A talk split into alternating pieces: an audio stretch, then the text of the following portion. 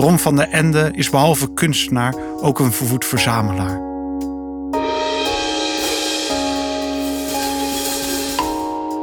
Reni Spoelstra gebruikt reinigingsmelk van kers en moringa, maar de minuscule deeltjes verkoold hout gaan in haar poriën zitten.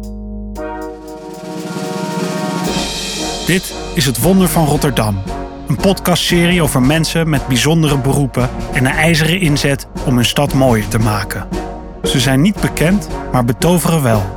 Maak kennis met de straatdokter en de krullenfluisteraar, de fietsjuf en de sambalman, de gasmeester van de Kuip en de bijaardier van de Laurenskerk. Mijn naam is Ernest van der Kwast en ik bezing de stad waarin ik woon, werk, droom en dans. Het hout van het vlees. Te midden van 10.000 stukken hout zie ik beeldhouwer Ron van der Ende werken aan een bas-relief. Ik moet denken aan een monnik, gebogen over zijn werk, er bijna mee vergroeid. Soms werkt hij maanden aan een houten sculptuur.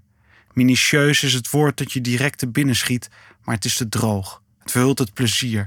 Ik denk ook aan de Amerikaanse schrijver James Salter, die zich een frotteur noemde. Iemand die ervan houdt woorden in zijn hand te houden, om ze te bekijken en te voelen, om te bedenken of het echt het beste woord is. Zo verwerkt Rom van de Ende oud hout tot kunst. Hij kijkt, meet, zaagt en velt totdat een stukje hout exact de juiste afmeting en vorm heeft. Het moet precies passen. Het hout komt overal vandaan. Rom van de Ende is behalve kunstenaar ook een vervoed verzamelaar. In bakken liggen stukjes hout gesorteerd op kleur: rood, wit, donkergroen, veel grijstinten. Op andere plekken staan planken, balken en vloerdelen. Vrienden bellen me op als ze een container zien staan met hout, vertelt Ron. Dan ga ik kijken of de kleur mooi is. Dat vieze lichtgeel hoef ik niet, maar van blauw word ik heel gelukkig. Ooit kocht hij 250 antieke deuren uit Franeker die met een vrachtauto werden afgeleverd. Die deuren zitten in vrijwel heel mijn oeuvre, zegt Ron. Hetzelfde geldt voor een boerderij uit Pijnakker waarvan hij de massieve vloer en de wanden kocht. Het hout moet karakter hebben. De verflaag mag niet glimmen. Dan kan ik het net zo goed zelf schilderen, zegt de beeldhouwer. Hij zaagt het hout in planken van 3 mm dikte. Met dit fineer gaat de frotteur aan het werk. Hij houdt het in zijn handen. Hij kijkt, hij voelt. In zijn vingers zitten altijd splinters. Rom van de Ende bevrijdt zijn beeld niet uit een blok, maar bouwt het op. Het relief vormt de basis waarop hij een mozaïek inlegt van talloze stukjes hout. Door het gebruik van perspectief ontstaat een fascinerend tromplui. Ontstaan auto's, scheepsrompen, ruimtecapsules, een achterkant van een pianola en ribeye. Hij werkt op dit moment aan een maan van Jupiter. De bron is een foto van NASA. De maan is bedekt met een ijskorst die wel 100 kilometer dik is. Daaronder stromen oceanen. Het ongelooflijk koude en eenzame oppervlak is deels ingelegd. De beeldhouwer gebruikt veel wit en grijs. Het is zijn 107e bas-relief. Zijn eerste platte werk maakte hij 15 jaar geleden, een Chevrolet Chevelle uit 1965. Er volgde een serie van oude Amerikaanse autovrakken: een Dodge Charger, een Pontiac Bonneville en een verongelukte Toyota Corolla. Regelmatig krijgt Ron het verzoek om een Porsche 911 te maken, maar dat weigert hij. Dan word je als ambachtsman ingezet, zegt hij. Ik blijf een beeldhouwer die volbloed kunstwerken maakt. Maar zijn werk hoeft niet als kunst te worden gezien om gewaardeerd te worden. Ook leken moeten het kunnen begrijpen en mooi kunnen vinden. Zijn ribeye uit 2010 hangt aan de muur van restaurant Gennaro op Amsterdam Avenue in New York. Hij vertelt het met gepaste trots, maar zijn schroom is weg als hij over het hout van het vlees vertelt. Hout van een rode vloer waarop tapijt met tape was bevestigd. Er zat structuur op. Het had een prachtige tekening. Hij praat met liefde over het fineer dat door zijn handen gaat. Dit stukje kan 100, maar ook 200 jaar oud zijn, zegt hij.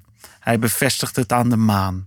Hij gebruikt houtlijm, maar ook spijkers uit Vietnam die hij bij de Praxis koopt. Ze zijn anderhalve millimeter dik en 16 millimeter lang en er zit een wafel bovenop. Zonder spijkers wordt het te veel een plaatje, zegt hij. Nu zie je dat er een persoon was die het heeft gemaakt. Een beeldhouwer, een monnik, een frotteur. Ron vertelt dat het in de winter zo koud kan worden in zijn werkplaats dat de houtlijm niet werkt. Hij stapt dan over op vissenlijm die hij in een pannetje warm moet houden. Ook bij min 7 werkt hij door aan zijn sculpturen. Eén vingertopje heeft hij moeten opofferen aan de zaagmachine. Zijn opa was timmerman en zijn vader werkte in een timmerfabriek waar zijn moeder schoonmaakte. Ze nam Ron vaak mee. Hij was drie jaar oud. Zijn vroegste herinneringen bestaan uit machines, stof en de geur van zaagsel. Precies dezelfde geur ruikt hij als hij ochtends de deur opent van zijn werkplaats. Hij is nu een man die werkt aan de maan, waarin deuren uit Franeker zitten en een boerderij in Pijnakker en misschien ook een stukje jeugd, jongensdromen. Het wonder van Rotterdam. De maan die hangt nu boven mijn bank in een woonkamer. Ik, eh, ik, ik, ik kende het werk van Ron al, uh, ken ik al, voordat ik naar hem toe ging. En ik vond het altijd al mooi. maar soms was het, ja, het, figuratieve, dat, dat vind ik af en toe moeilijk in, in, kunst. Ik denk, nee, dat, hou wel een beetje van de abstractie. En, en al, die, al die auto's die hij maakt, dat is natuurlijk heel erg figuratief. maar soms heeft een werk van hem heeft een enorme kracht. Bijvoorbeeld dat, die, die ribeye, dat vlees. Dan kun je ook, als je er dicht op staat, is het gewoon abstract. En ook een beetje als je verder weg staat. En, en zo ook die maan uh, van Jupiter, Europa heet die. Ja, ik weet niet, dat uh, zie je toch een hoop eenzaamheid in zitten.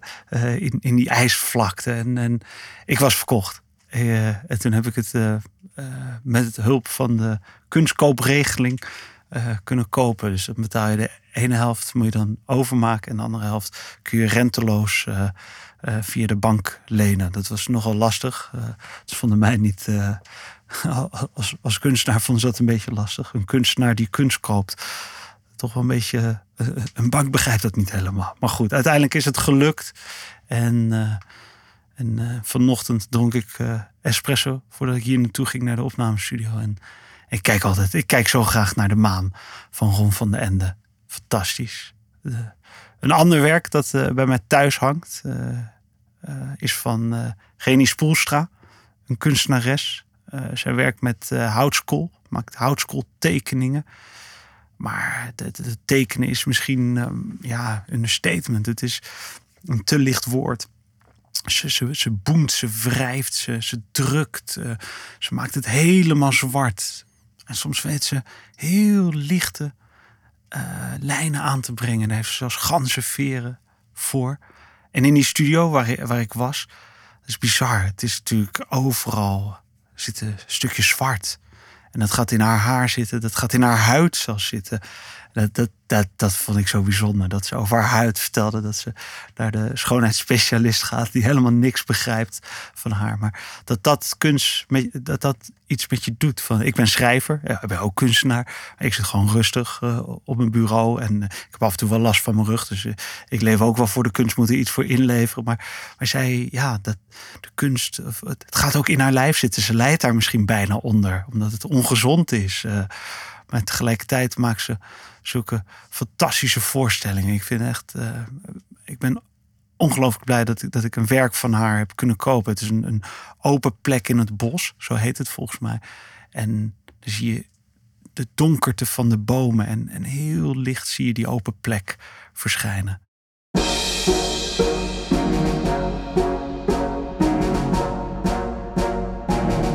Niets blijft wit. De bank is zwart, de prullenbak ook. De koffie is velour noir. Het enige kleurige object in het atelier van Reni Spoelstra is een iPod Nano, knalroze. Zij het met zwarte vlekken. Zelf draagt de kunstenares een zwarte vliegeniers overal. Haar nagels zijn altijd gelakt, omdat ze niet meer schoon te krijgen zijn. Dit ondanks de barrier cream waarmee ze zich dagelijks insmeert. De zolen van haar gimpen waren ooit wit. Kunstenares Reni Spoelstra werkt met houtskool. Het is afkomstig van de wilgen in Somerset Levels, prachtig wijds waterland in Zuidwest-Engeland. Maar ze tekent ook met verkoold cederhout uit Amerika. Daar zit hars in, vertelt Reni. Het is vetter en zwarter dan wilgen. De kunstenares mengt de verschillende soorten, brengt laag op laag aan, totdat er een bijna fluwele textuur ontstaat. Ze gebruikt nooit Siberisch krijt. Dat neigt naar blauw, zegt ze. Het is koud en je krijgt geen diepte. Je kunt er niet in. Aan de muur hangt een monumentale tekening waar ze op dit moment aan werkt. Parking lot after the rain. Een open plek in een naaldbos. Hoewel het een eerste opzet is, staat alles er al op: de bomen, de lucht, de verlaten parkeerplaats. Het is een lijnschets en een tonale schets in één, op één dag gemaakt. Licht en donker zijn al aanwezig, maar het moet allemaal nog worden ingevuld. Laag voor laag opgebouwd. Net zo lang tot je er als kijker in wordt gezogen. Om effen grijze vlakken te laten ontstaan, werkt Reni met zwarte rechthoekige sponsjes. Voor streepjes, snelheid of een waas heeft ze een Amerikaanse ganzenveer. In een plastic potje zit pure powdered houtskool dat ze met een dot watten aanbrengt. Voor schaduwvlekken die te subtiel zijn om te tekenen, zegt ze. De kunstenares werkt het liefst van ochtends tot een uur of twee smiddags. Aan één stuk door, zegt ze. Heel Spartaans, met soep uit een pakje of heel snel een boterham met chocoladepasta. De telefoon staat niet uit, maar wordt zelden opgenomen. Sinds anderhalf jaar doet ze aan ninjutsu, een Japanse krijgskunst die is ontstaan in de bergen. Dat was hard nodig, vertelt Reni. Door de lange, eentonige bewegingen die ik maak, was ik op twee punten vergroeid. Ze vertelt dat ze weken over een tekening doet die op sommige plekken pikzwart moet zijn. Papier wordt dan letterlijk dichtgesmeerd. Dat doe ik in een schuine stand met mijn armen boven mijn hoofd. Na een werkdag zit de kunstenares onder de houtskool. Cleopatra baden in ezelinnenmelk om haar huid jong en stralend te houden. Reni Spoelstra gebruikt reinigingsmelk van kers en moringa, maar de minuscule deeltjes verkoold hout gaan in haar poriën zitten. Daarom bezoekt ze om de zes weken de schoonheidsspecialist die denkt dat ze een uitzonderlijke probleemhuid heeft. Niets blijft wit in haar werk. Zelfs als ik het zou willen, zegt ze. Er dwarrelt van alles over het papier. Ze loopt continu op en neer in haar atelier en tuurt dan van een afstandje door haar wimpers naar de tekening. Zo zie ik hoe die er over drie dagen uitziet en of ik op koers zit. Als een tekening af is, doet ze een masker met een speciaal filter op. Geconcentreerd fixatief staat er op de spuitbus waarmee ze haar werk onuitwisbaar maakt. Bij een grote tekening is ze soms wel een half uur bezig en gaan er drie spuitbussen doorheen. In de kast op de gang staat een voorraad. Iedere maand maakt Reni Spoelstra de vloer schoon met een waterstofzuiger en één keer per jaar schildert ze haar atelier over. Maar het zwart komt altijd terug.